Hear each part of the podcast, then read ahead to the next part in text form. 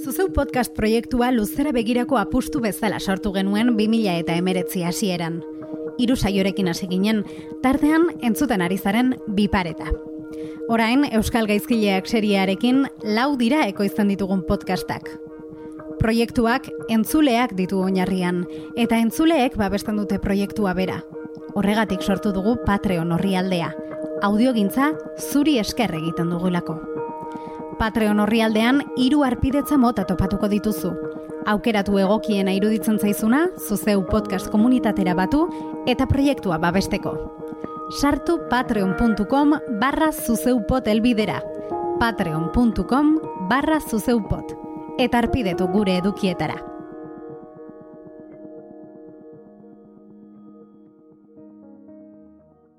Kaixo zer modu Zarrate Hernandez oiarbide naiz eta hau bipareta da.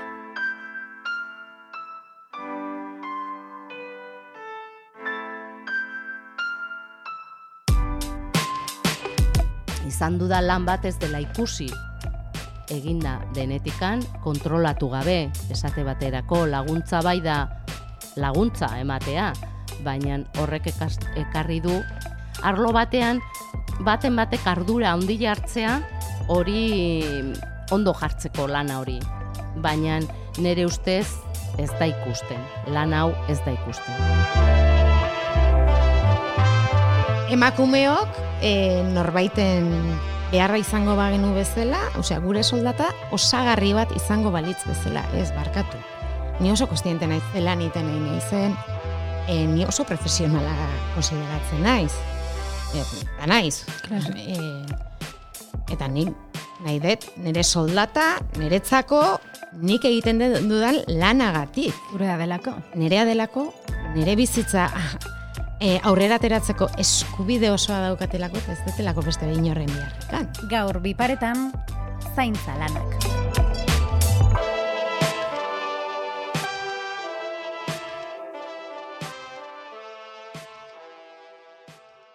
Elena naiz, eh, etxez etxeko langilea bat naiz. Elena Ugarte mendia naiz. udaleko etxez-etxeko langilea da. Urteak daramatza zaintza lanetan, izan familian, zen maila profesionalean.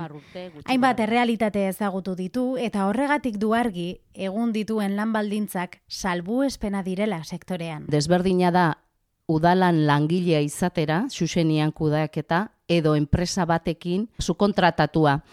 Orduan, e, sukontratatutan e, bai murrizten dela soldata, bai murrizten dela e, kotxe erabilira, e, murrizten da e, gure tresnak, eskularroak erabiltzea eta ordaintzea edo ez. Xuxenean denean udalarekin desberdina da. Ze mantentzen dezu e, udalako arauaitan sartuta daudenan ekonomikoki, kategoriak eta hori eta bar, eta hori mantentzen da bai fijoantzako, bai orde, ordezkoentzako.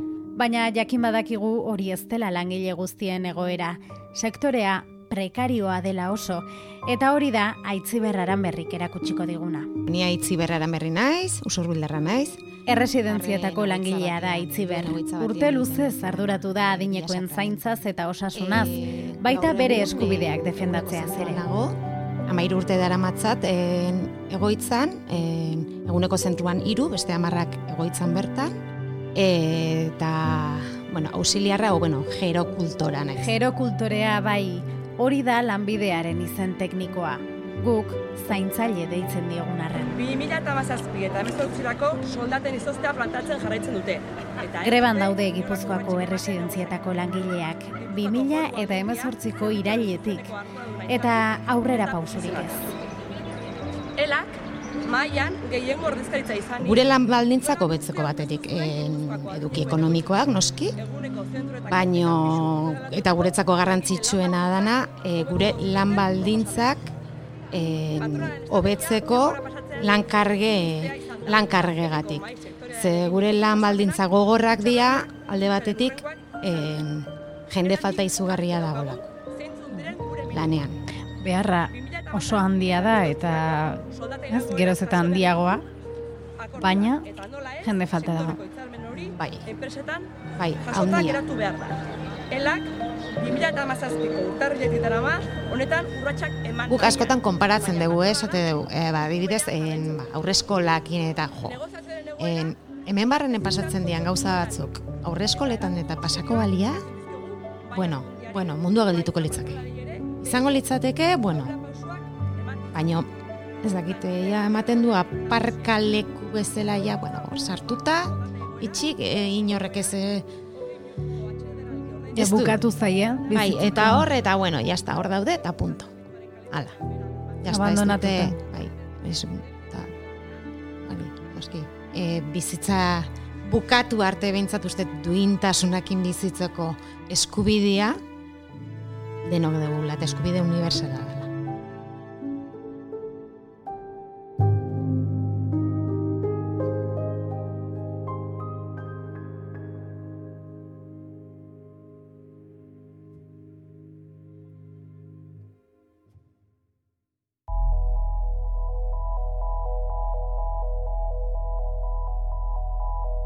Errealitate beraren bi alde ezagutuko ditugu beraz.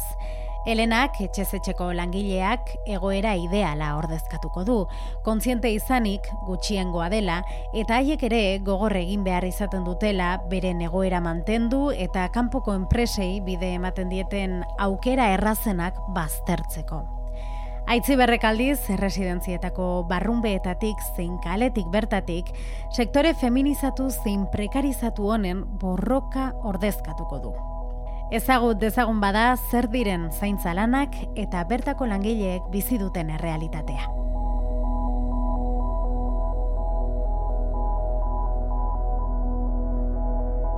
Geho eta gehiago jende gazteagoa dago, gaixotasun mentalak tratatzen dira, adinekuai adinekua, zeren beharra dituzte garbiketatan, zaintza pertsonalatan, konpainia baitare, mm, hoi da segun fizikoki nola dauden, edo familiak nola dauden, ze beharra daukaten. Ordun xuxenian egiten da balorazioa bakoitzari ze beharra dagon. Jotzen ditugu arlo guztiak.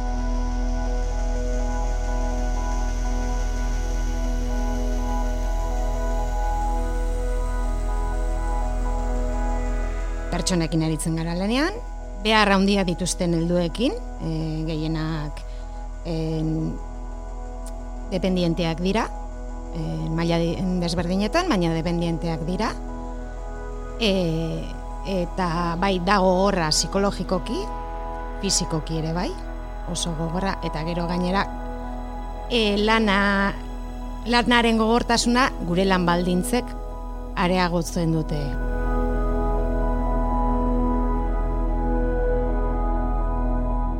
Gure zentruan eun, eun erabiltzailetik gora dira eta bi auxiliar egoten dira amar ordu. Haueko amarretatik eh, goizeko goizeko zortzitara egoten dira. Hori gauian, Bi pertsona. bi pertsona bakarrik. Denerako. Bi pertsona gehiago ez dago. Garai batian, e, nerizainare bai ote zan. Oain hori ere kendentzu. sei bat izaten dira egunean, aldute izan bost segun zenbat denbora ematen zaion bakoitzari, baina gutxi gora bera sei, zazpi, segun ze kasutan, langile bakoitzak. Bai, eta en momentu honetan gaude hamar langile goizez, bat arratsaldez, eta bi asteburutan eta jai egunetan goitzez. E, hori nahi du esan lan potoloa egiten ari gerala, Gu gutxi gora bera pertsona bat e, jaikitzeko, eta jaikitzeak esan nahi du. Un, e, ate iriki, egunonak eman, persiana iriki, dituzten barrak jetxi, en, e, laguntza teknikoa, bueno, e, loturak edo badituzte kendu, laguntza teknikoa behar badute sartu, en, erropa kendu, sila batera pasa, dutxatu, sekatu, krema eman, jantzi, e, ba, bizarra moztu gizonei, e, apaindu, orraztu, hori dena amabos minututen egin behar dugu. Gutxi gora bera. Pertsona bakoitzeko. Oi hartzunen aldiz, langile bakoitzak etxe bakoitzean ordubete inguru ematen du. Eta pertsona bakoitzak, langile bakoitzak zenbat pertsona ditu. behatzi amar bat, ez, ez dituzu kentzen, eta batzuk gehiago, eh? Ze batzuk, igual amarterdik amaikak arte, egoten dia jaikitzen da jaikitzen, eta jende jaikitzen da jaikita jaiki.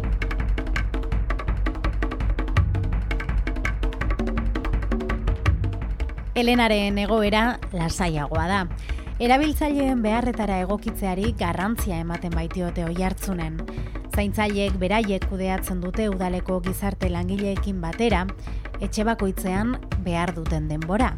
Behar izan denetan, lanpostu berriak ere sortuz. Azkenean, e, denbora delako norbaiti eskaini die zaiokezun e, zaintzarik edo zerbitzurik onena, ez? Edo oinarrizkoena behintzat. Eta oso importantea mantentzea pertsona berdina e, etxe bakoitzean denbora luzeetan edo behar den denboran. Horrek ekartzen du konfiantza beraiengan ekartzen du lortzea mm, batzutan familikoak edo kideak edo ez dutena lortzen eta azken finean osasun aldetikan aurrerapena izaten da ikaragarria. Langileen eskubideak bermatuta ez dauden gainontzeko kasuetan aldiz, ondorioak zuzenean pairatzen dituztenak erabiltzaileak dira. Azkenean, langile falta, e, langile gutxi egoteak, esan nahi du, korrika ibiltzen gehala, ez, da, ez daukagula behaiek behar duten e, mer, behar duten eta merezi duten denbora, behaiekin egoteko, e, lasai ekitzeko, goxotasunez, beti da korrika, eta azkenean ematen zaien tratua ez da bat ere egokia. Ez da bat ere egokia eta ezaztu zerbitzu publiko bat eta zitze egiten ari gara.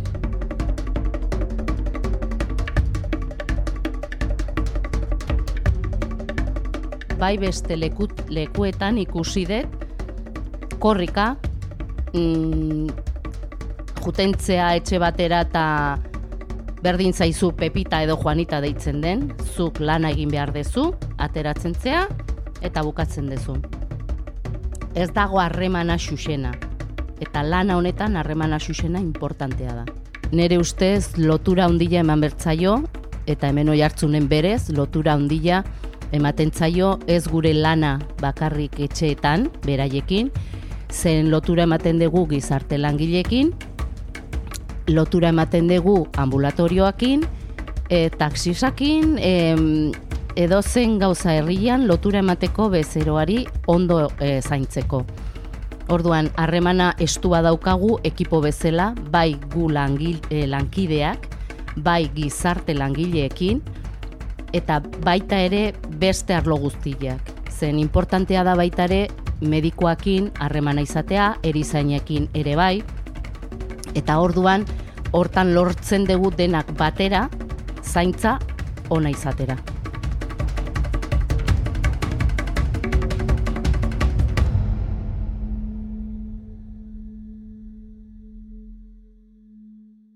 Familiek noski paper garrantzitsua jokatzen dute afera honetan, zenbait erabaki hartu behar direnean batez ere. Kontziliazio beharra dago bai, aurren kasuan bezala, baina hori alda nahi duguna, erantzukizuna edo traba da familiako kideen zaintza. Kasuak eta kasuak daude noski, baina gaur egun adineko pertsonak, batez ere adineko pertsonak, edo, bueno, e, gaixotasun mentalak dituztenak ere bai, e, zaintza bereziak behar dituzten pertsona horiek, e, traba bezala ikusten dira, sanai dute familientzat, traba bat dira, familietan e, liskarrak sortzen dira askotan kudeak eta, bueno, nola kudeatu asmatzen ez dutelako? Mm, hor ikusten da denetikan, ikusten da bakardadean familikoa zabalak direnakin, ikusten dira familiak oso e, gutxi direnak oso ondo mantentzen dutela atxona mona hori, laguntzen dutenak, e, traba hori esatea nire ustez e, ez da inbeste traba, da gizarten gauden momentu hontan, da nola kudeatu zure bizitza hori zaintza egiteko. eta aukerak nola dauzkagun etxez etxekoekin, residentziakin, eguneko zentroarekin, bai askotan ikusten dela, mm, horrea eramaten dituzte, gure mm, tresnak erabiltzen dituzte, eta esaten duzu, puf, ala, jazta, libre nago.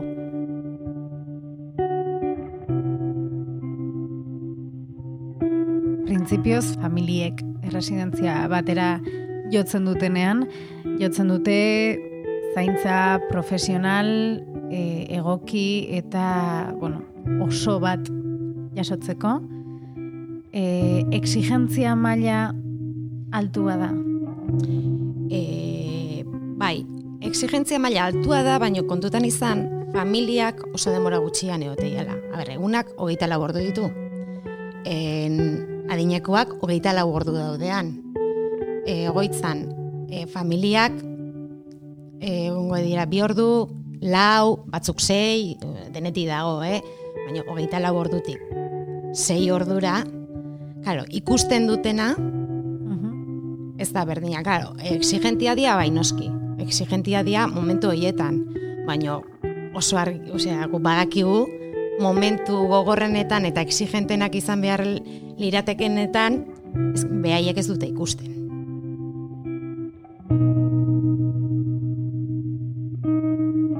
Bai, oso politia jartzen dute gero e, ikasten dezunean eta bai, bakoitza e, bere beharra ditu eta bere denbora eta eta atentzio osoa eta et, e, baino e, gero ez, ez da hola.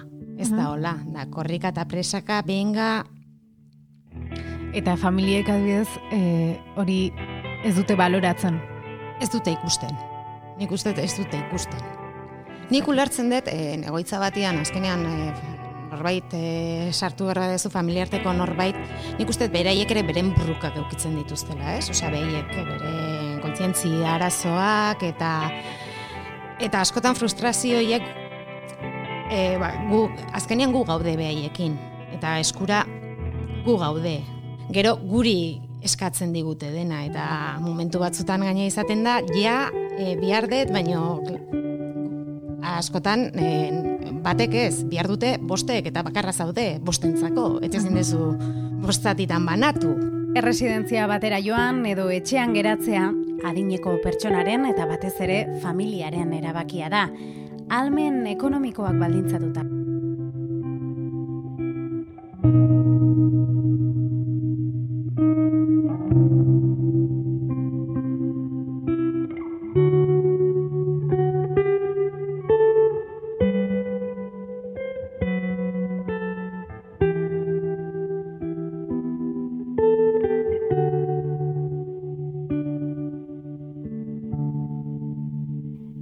Elena aitortu digu dena den honetan ere modak daudela. Orain hau da hobea eta gero bestea. gu ikusten duguna da e, baita e, etxeetan jendea badagola, nahi dula bere etxeetan bukaeraino egotea, gazteak mantentzea, e, esaten dut gaixotasun mentalakoak, mantentzea bere etxeetan alde neurrian, zeren gu ikusten dugunakin eta lotura ematen dugunakin askotan eta kaso batzuk bai bideratzen ditugula residentzitara. Orduan nere ustez e, moda bat da orain residentzia, orain etxekoa, bai e, aldundi aldetikan nahi dute e, ez dakit nola esan indarra eman etxeetan geratzeko, baina antolakuntzat aldetikan askotan ezin da ezinezkoa da. Orduan, ni bi bideak ikusten ditut, ondo. Bateragarriak. bai. adibidez, ni nere zentrua e, da pribatua baino kontzertatua. Daude, o, e, plaza batzuk dira pribatuak, baino bestiak dira publikoak. En foru aldundiak bideratu, bideratzen ditunak. E, orduan, hori diru publikoakin finantziatuta dago. En, bai, pribatuak bai noski, a, e, posibilidad, ekonomikoki posibilitatea dutenak, ze merkia ez da, merkia ez da, bat ere merkea, Zenbat? Eskatzen da, kasu honetan adibidez. Pribatu batean, iru mila, lau mila tartean. Hilera. Negozio hutsa da.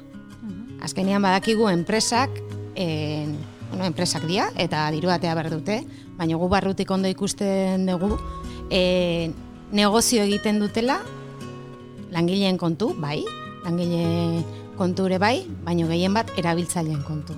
Gure adinekoen kon- kontura egiten dute negozioa, eta gainera gero eta gehiago nahi dute. Tratua noski berdina da. E, bai, printzipioz, bai.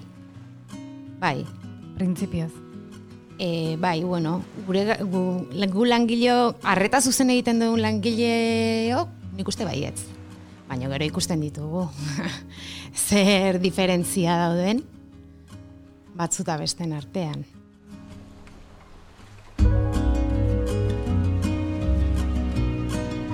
Baina, bueno, oinarrizkoan bai, eh? Azkenean, em, em, eh, langileak berdina gera, Osea, ez daukagu en, ez, ga, ez gaituzte banatzen edo batzuk ba, ez, aldatu gaitezke eta en, eta oinarrizkoena ba, bai, otorduak eta denak berdina dira, denontzako.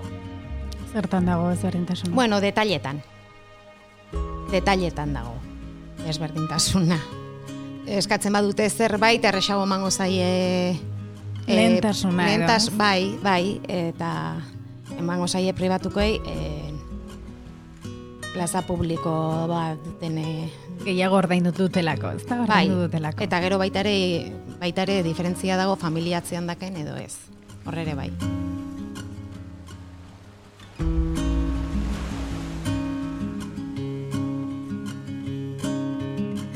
Greba hau ez da lehena.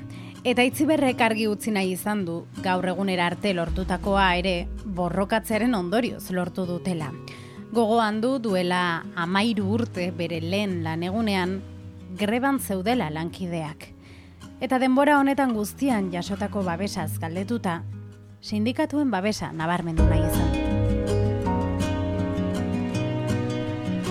ba, babes hori sentitu deu or- organizatzeko, ze egia da eta ni, nik, hau, nik refleksio hau egin den nire buruakin, e, jo, hasieran, buf, bai, ni, ado, bueno, ni hasi nintzen lehen, lehengo greban ez, eventualen nintzen, baina, bueno, gero greba bukatu zanean, ja, en, en, fije egin ninduten, eta gero urrungo greban da, jo, bildur hori, bildur hori gero ze basakoa, ze, bueno, presioak ere ukitze dituzu.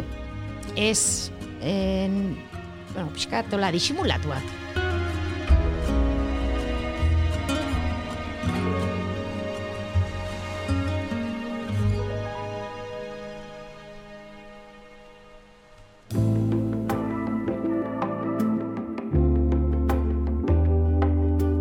Zuek greba egiten dezuelako, eh, azkenean galtzaileak eh, erabiltzaileak bakarrik dira. A ber, guk greba egiten baldin badeu, gure hobekuntza bai, en, ekonomikoki noski baietz, baita ere.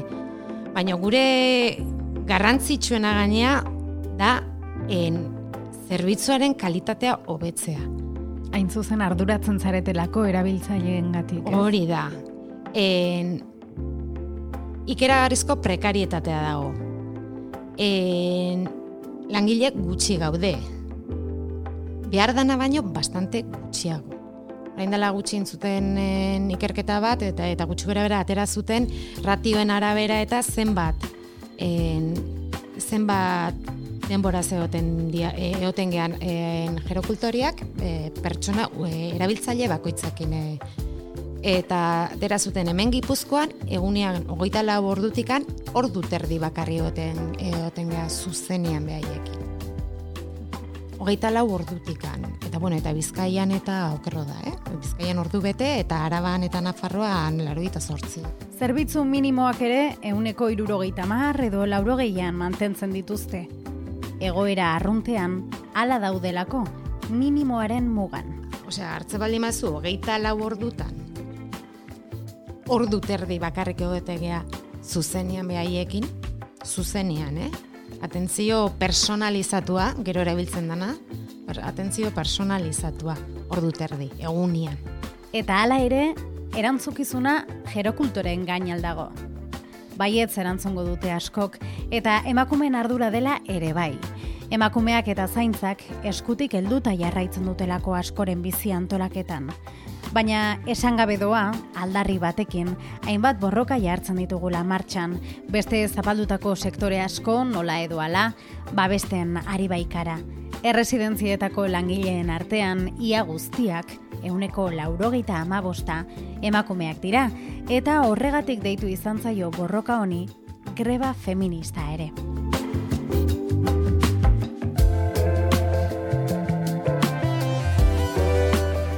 2000 eta emeretziko martxoaren sortzian egin zen bezala, emakumeek beren gorputzetatik zaintza lanak erdigunean jartzeko deiadarra tinko mantentzen. Aurten ere, ba, ikusi dugu e, zaintza lanek, ez, eta pixkat, ba, invisibilizazio guzti hori jarri behar dugula lehen plano batean, eta grebaren oinarri hori izango dela, ez? Bizitzak erdigunean jartzea, eta pixkat hortikan eta horrek ukitzea zentralidadea, eh? Eta ez beste, igual, aurrik urtean ukizuen bezala, e, mundu laboralaren presentziak. E, aurten guardatzei dago kionez, baina dugu zaintza izatea, guztia barra biltzen duen ardatza ez, baina hala ere mantenduta ba, ikasle gazteen ardatza, kontsumoaren ardatza, lanaren ardatza, eta pentsionistak ere, aurten ere gehitu birela grebara e, beste ardatz eta beraien lanketa propioa eginez.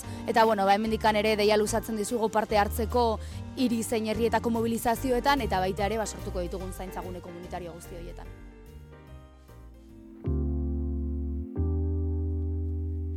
E, ni martxoa sortzilekoa, aurtengoa, e, oso ondo ikusi dut, alde hortatik, gu aipatzea, gure lanbide aipatzea, zen e, gu ere barrendikan e, borrokatzen ari gara eta onartzen ari gea eta prestatzen ari gea pertsonari ez gu izatea emakumea bakarrik, zen sektore bada mutilak ere aldutena lan egin, bokazioa asko dagola, eta zaila izango dela, baina lortzen nahi dena.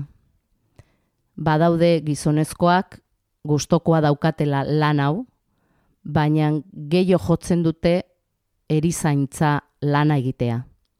Emakume lana izan du dela, bai, betidanik. Hori argi dago, bakarrik, orain, gizarteratzen nahi dela, ateratzen nahi dela, e, importantzia ematen ari diogula.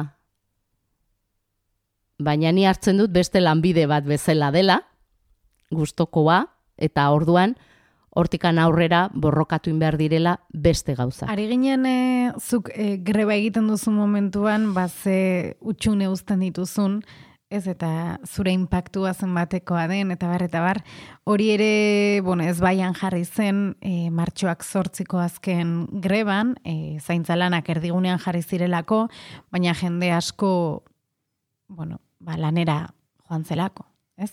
Bere zerbitzu hori ezin zuelako utzi, e, izan haien lanpostua galtzeko arriskuagatik, edo izan pertsona horrek e, behar zaintzen gatik, edo beste dena delako arrazoien gatik. Aipatzen genuen ere hori e, presio sozial bat edo nola, bueno, nola sentitu zenuen edo zer ikusi zenuen zukor? Bueno, gu greba betian genden orduan, en martxoak zortziko mm. egun hartan. Eta egia da, jende asko lanea junber izan genula. En, ezin genula denokatera, eta gu oso kontzientziatuta genden gaina eta eta denon nahi genun. Baino baino hori borroka zakit pertsonal zaila da, ez? Oso oso oso zaila da. Gaina, ba, esuk esan dezula, zaintza erdigunera, eta e, eske gure borroka hori da. Gure sektorean, ba, baino eske hori da, funtsian hori da. Zaintza gure lana, zaintza lana da zaintza orain arte e, emakumeok etxean isilik e, rekonozitu gabe egin dugun lan bat izan da ikeragarrizko lana eta inundik inora rekonozituta ez da ona. Eta orain pixkat e, profesionalizatuta da honian eta profesionalizatuta dago eta e, da en, emakume e, sektore feminizatu bada, ze uneko laro ama bostagea, e, gaude prekarizatuta e, eta lan baldintza oso txarrekin soldata arrakala daukagu gizonen, e, gizonezkoekiko. Eta abar luze bat, kopuruak baino gehiago afera politikoak direnak. Eta bitartean, kuestionatuta sentitzen da bat une oro. Beste aldeak ariketa hori egiten ez duen bitartean. No, no es plato de buen gusto, eh, no nos gusta a nosotros. Me imagino que a los propios, las propias personas empleadas, y digo personas porque el 90 y tantos por ciento exactamente son mujeres, es un sector feminizado, y da igual si cobrasen esto y si cobrasen el doble. ¿eh? Es muy feminizado porque viene de un origen que todavía no es, eh, digamos que, que, muy remoto. O sea, los servicios sociales son un, un sector que está de alguna manera en construcción. La primera ley de servicios sociales de todo el Estado desde el año 82 es vasca. Y, por ejemplo, otros sectores como podría ser Mikel la sanidad, Agirre pues, Zabal lareseko lehendakariaren ¿eh? hitzak dira, entzun ditugunak. Y mayormente vienen mujeres para atender a dos tercios de pe- personas atendidas que también son mujeres. Y aunque hubiese, como digo, una retribución mayor, seguirían viniendo mujeres porque a un hombre que la atienda a una mujer pues no nos importa mucho. Pero que a una mujer la atienda a un hombre para limpiarle le fastidia bastante más. No estamos hablando de personas que tienen ni 40, ni 50, ni 60 años, sino personas que tienen... Esan zun, 25 años batzar media. nagusitan. Eta batzar nagusitan tiene esan zun, un- un valor eta etzan inor izan gai zerbait esateko ez da denak isilikan.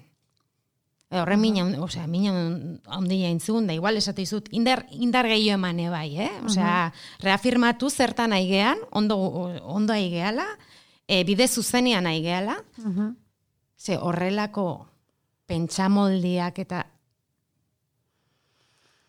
Bai, bai, errotik aldatu behar dira eta Errotik. benetan e, salatu. Pentsatu nahi dut hori esan, da, esan duenak gizonezkoa izango dela.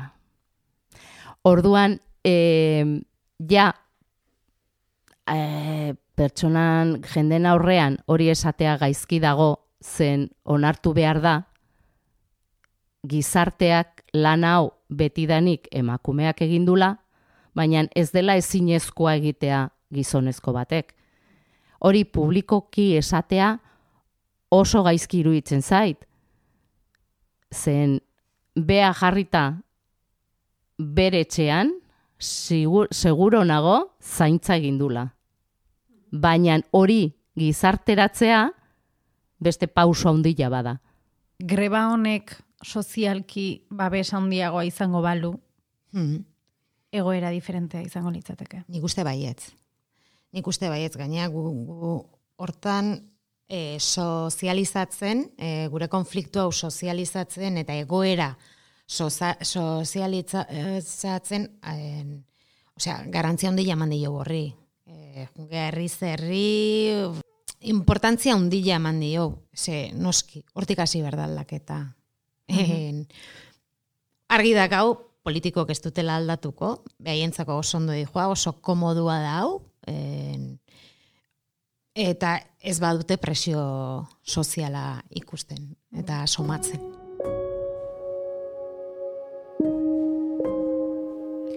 Zaintza lanak egitearen arriskua askotan norbera bere burua zantztea izaten da. Langileek ondo badakiten arren, norbera indartsu egotea dela beste zarduratu izateko lehen baldintza. Baina hori ere ez da beti erraza izaten. Zer egin hitzez ezpada ere gutxiago zarela esaten dizutenean.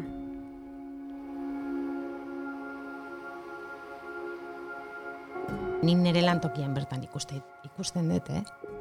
Mediku, erizain. Bai, bai, bai, bai. En, ekipo tekniko esaten zaiona, eta gu. Gugea azkeneko... Az, azkenean gea gugea behiekin gehiena gaudenak erabiltzaileekin, guk ezagutzen ditugu. Guk gu egoten gea behiekin. Gure zazpi ordu behaiekin egoten gea, gu asko ze gehiago gea behaiekin konparatuta. Ze behaien, behaien postutan ere gabezia badaude, eh?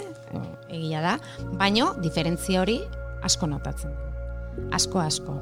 Eta behin baino gehiotan aserretze gea gu, e, gu en, umiak, eh, ez dakit nola esan, e, bai, en, hor, umiak izan bagina bezala tratatze gaituzte, ez jakinak nahi gaituzte, ez, ez bagenu, ez bagen egun lertuko bezala, eh, Gutxi etxita sentitzen zarete. zia- ziaro, eta askotan, eh? Hori askotan.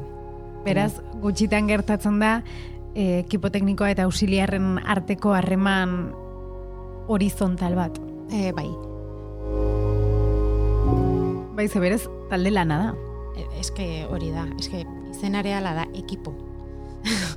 Baino ekipo, bueno, ekipo hori falta motatzen dugu.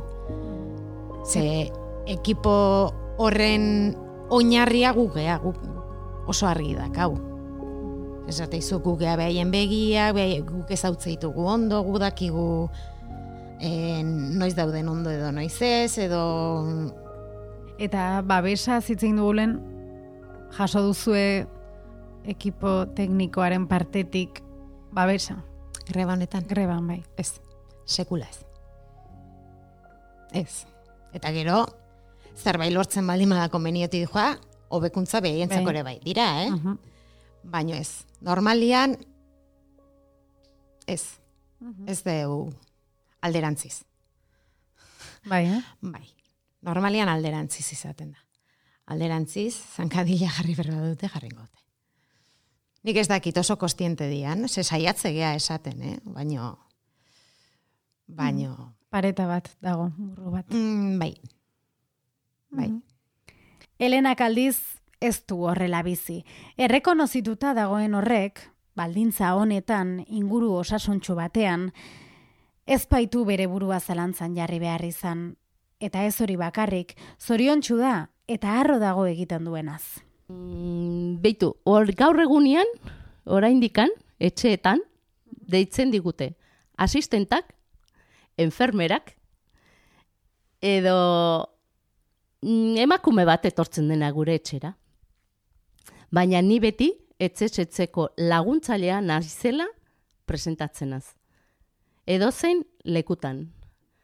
E, orduan, niretzat importantea da e, eskaintzea lan hori, aurkeztea nor naizen, eta ni ez naz ikusten gutxiago. Batez ere, ni nere lan betetzen dut, niretzat importantea da, eta e, medikuan aurrean, hori aurkezten dezunean, batzutan guri importantzia gehiago ematen digute, eta ez familiko bateri. Gu egunero gaude hor, eta badakigu zeo zer, em, nola dauden, ze sentitzen duten, zen beraiek askotan lotxangatik ez diete esaten familikoei gauza batzuk. Guri bai. Orduan, medikuak askotan, orain hasi da, e, esatea, ba, e, nahiago dugu etxez etxekoekin harremanatan jarri. Eta etxeetatik kanpo ere beste hainbeste. nik uste dut kaletatik, hemen oi hartzunen behintzat, e, baloratuta gaudela, baloratuta sentitzun, sentitzen, ni behintzat sentitzenaz, zen e, importantea da ba, irrifarra bat ikustea familia baten, edo aserrea gurekin ere bai. Orduan hori nahi du esan hor gaudela. Baloratu aldetikan bai, ni baloratuta sentidu horretan bai sentitzenaz.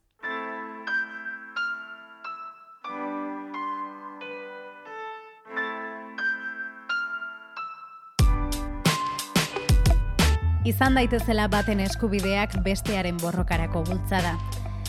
Eta kendi ezaiogun denok batera, isildutakoari maskara. Bailena, eskerrik asko, jarrai dezazuela hor etxez etxe, e, zaintza eta alaitasuna eta dena zabaltzen. Eskerrik asko. Mila esker zueri. Eitziber, segi borrokan, segi indartxo, eta eskerrik asko. Zuri.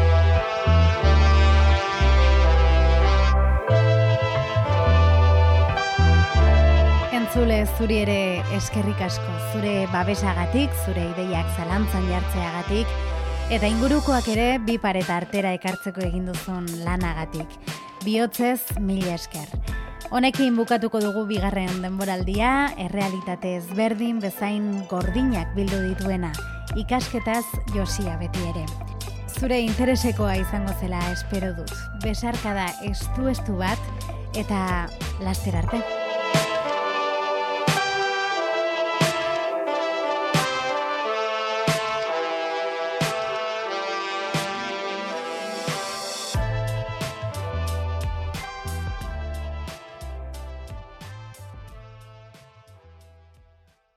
Edo zein audio plataformatan entzun dezakezu zuzeu podcast.